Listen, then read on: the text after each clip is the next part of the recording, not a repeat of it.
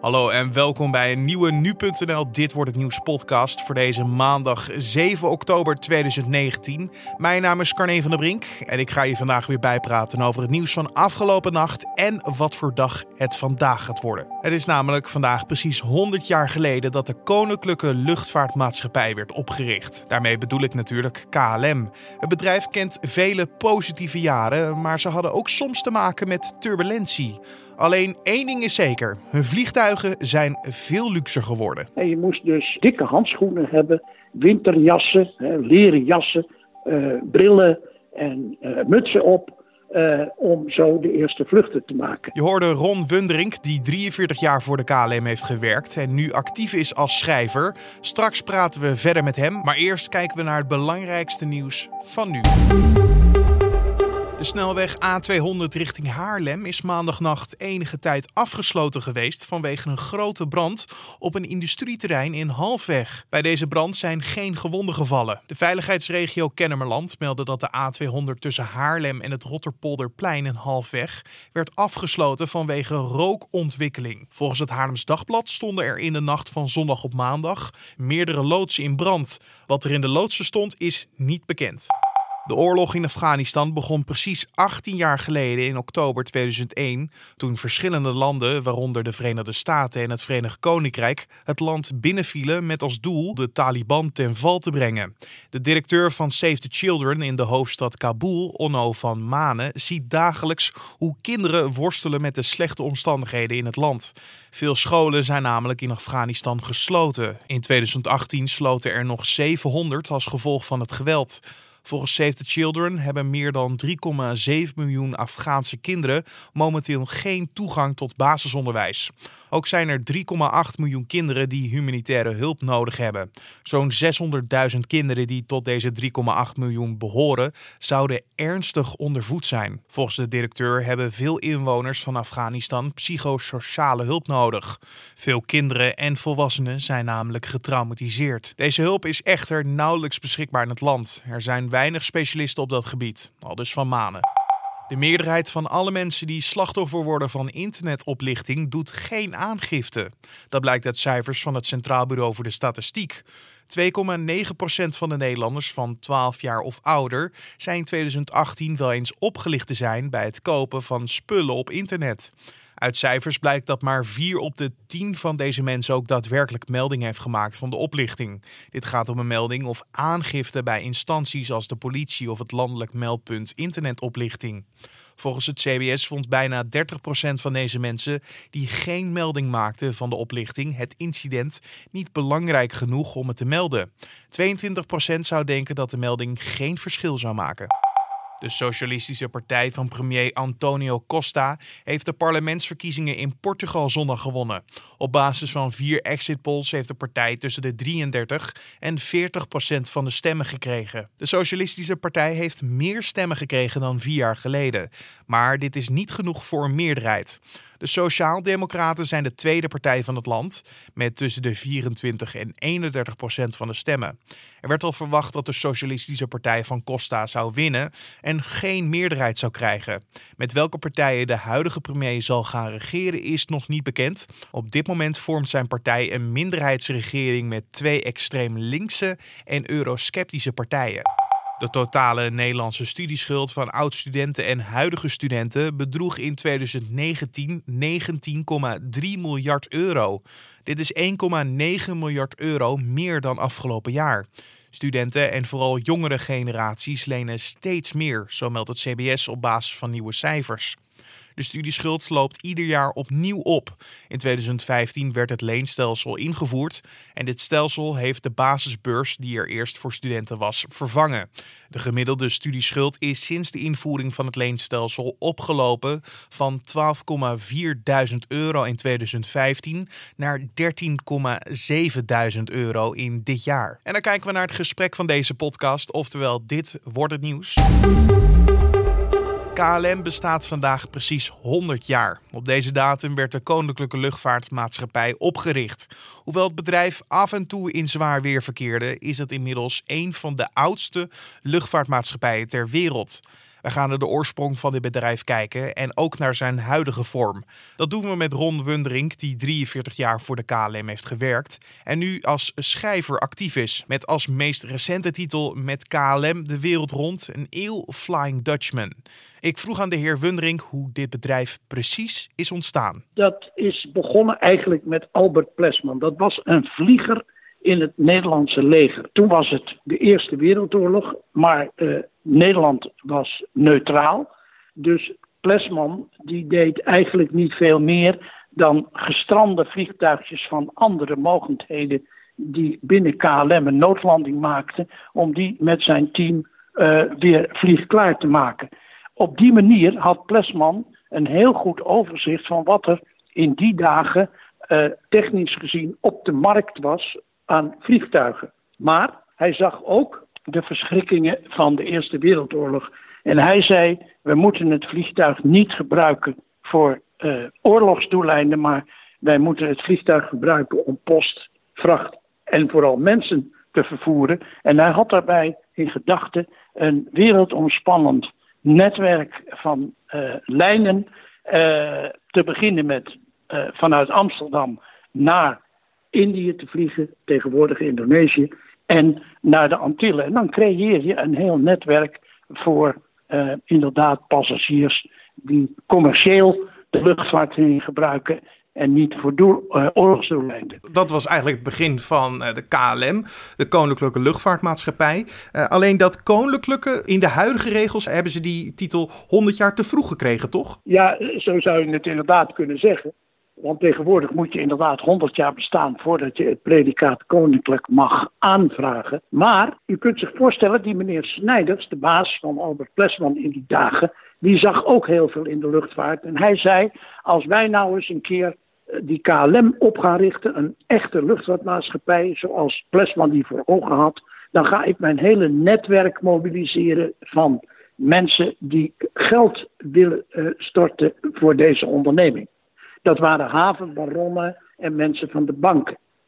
En ongetwijfeld hebben die mensen op een gegeven moment gezegd tegen generaal Snijders: luister, generaal Snijders was namelijk goed bevriend, bijna zou je kunnen zeggen, met de jonge koningin Wilhelmina.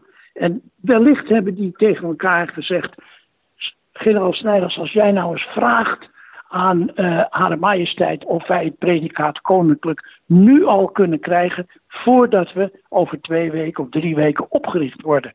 Dan hebben we Koninklijke Luchtvaartmaatschappij KLM. En dat ligt makkelijker in het gehoor en in de markt dan uh, uh, een andere naam. Dat heeft die meneer Snijders gedaan. En inderdaad, twee weken voor de oprichting kwam er een brief van Majesteit binnen. waarin zij het predicaat koninklijk aan de start-up, want dat was het eigenlijk, hè, zou het tegenwoordig zeggen, aan de KLM verleende. Ja, dat was in 1919, maar pas in uh, mei 1920 werd de eerste commerciële vlucht door KLM uitgevoerd. Uh, hoe zagen die vluchten er eigenlijk uit in het uh, begin van KLM? Ja, de, de, de, KLM is dus opgericht op 7 oktober 1919, maar toen werd het al slechter weer en koud. En het waren open vliegtuigjes hè, in die dagen. Ja, toen kon je in de winter eigenlijk niet vliegen.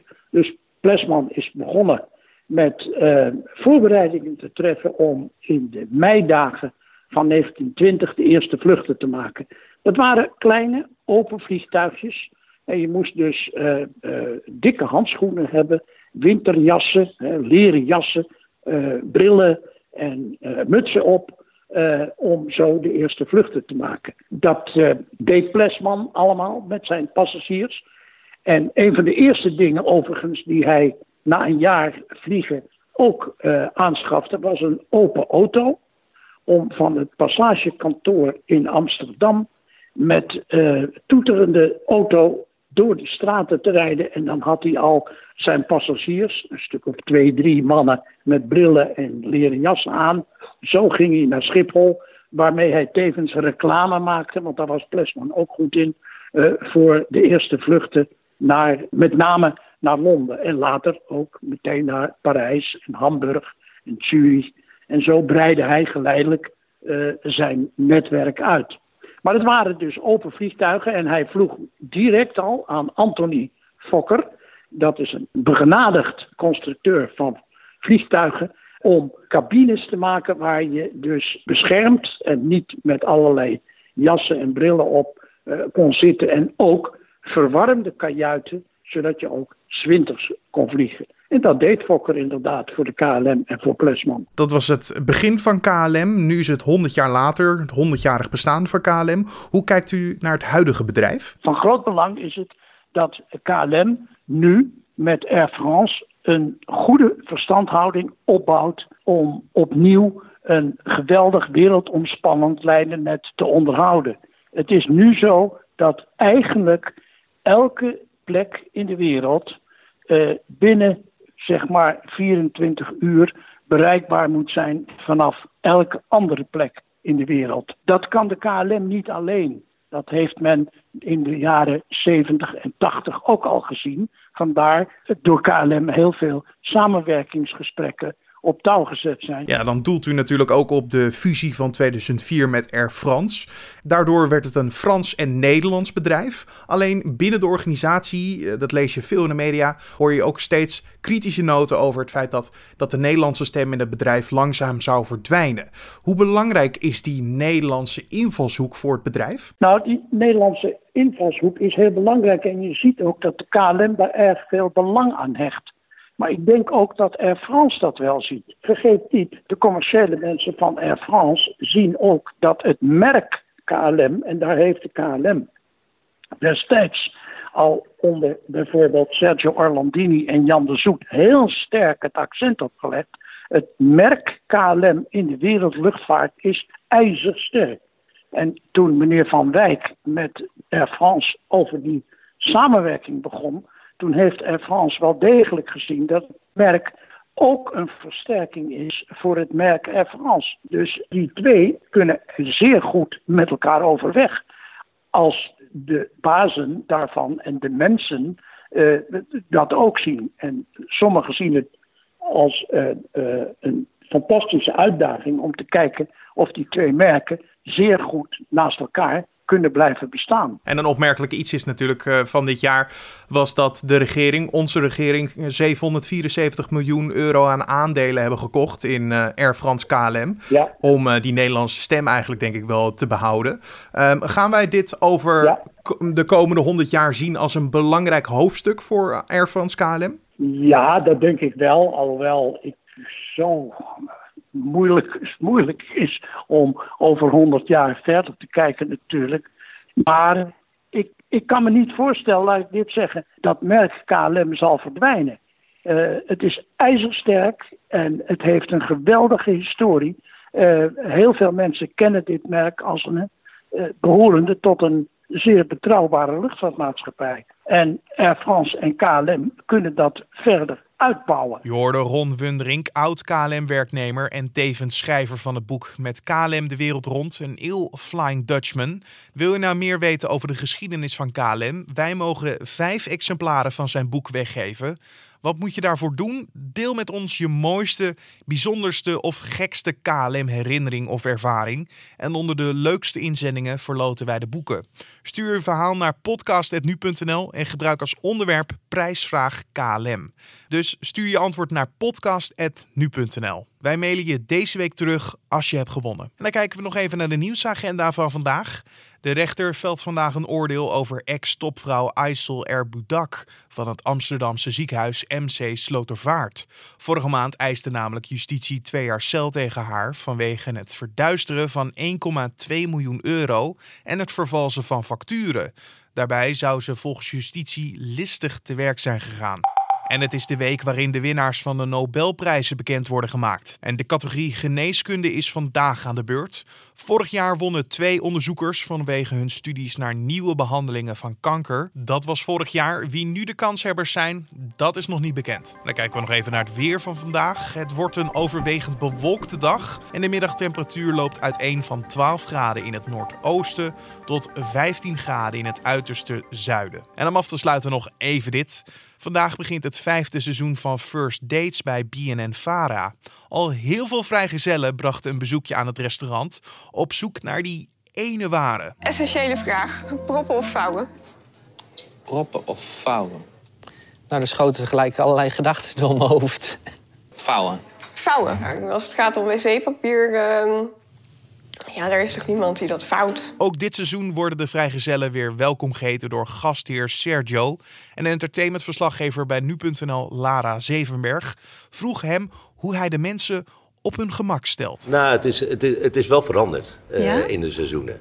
Ja, eerst was ik wel gewoon de rots in de branding. Ja. Hè, mensen kwamen binnen en dan Zo. zei oh ja, oh, oh, fijn.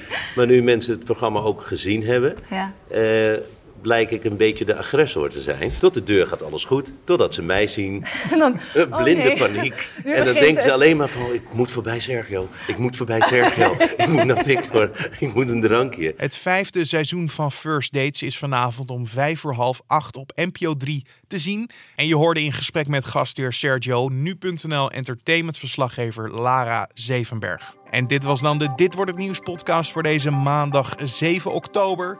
Je kan ons laten weten wat je van deze podcast vindt door een mailtje te sturen naar podcast.nu.nl of een recensie achter te laten in iTunes. Vergeet ook niet je ervaring of je mooiste herinnering aan KLM met ons te delen via podcast.nu.nl, want misschien win je wel het boek met KLM de wereld rond. Deze podcast vind je elke maandag tot en met vrijdag om 6 uur ochtends op de voorpagina van nu.nl. En je kan je ook gratis abonneren op deze podcast in je favoriete podcast-app, zoals Spotify, iTunes of Google Podcast. Mijn naam is Carne van de Brink. Voor nu wens ik een hele mooie maandag en tot morgen.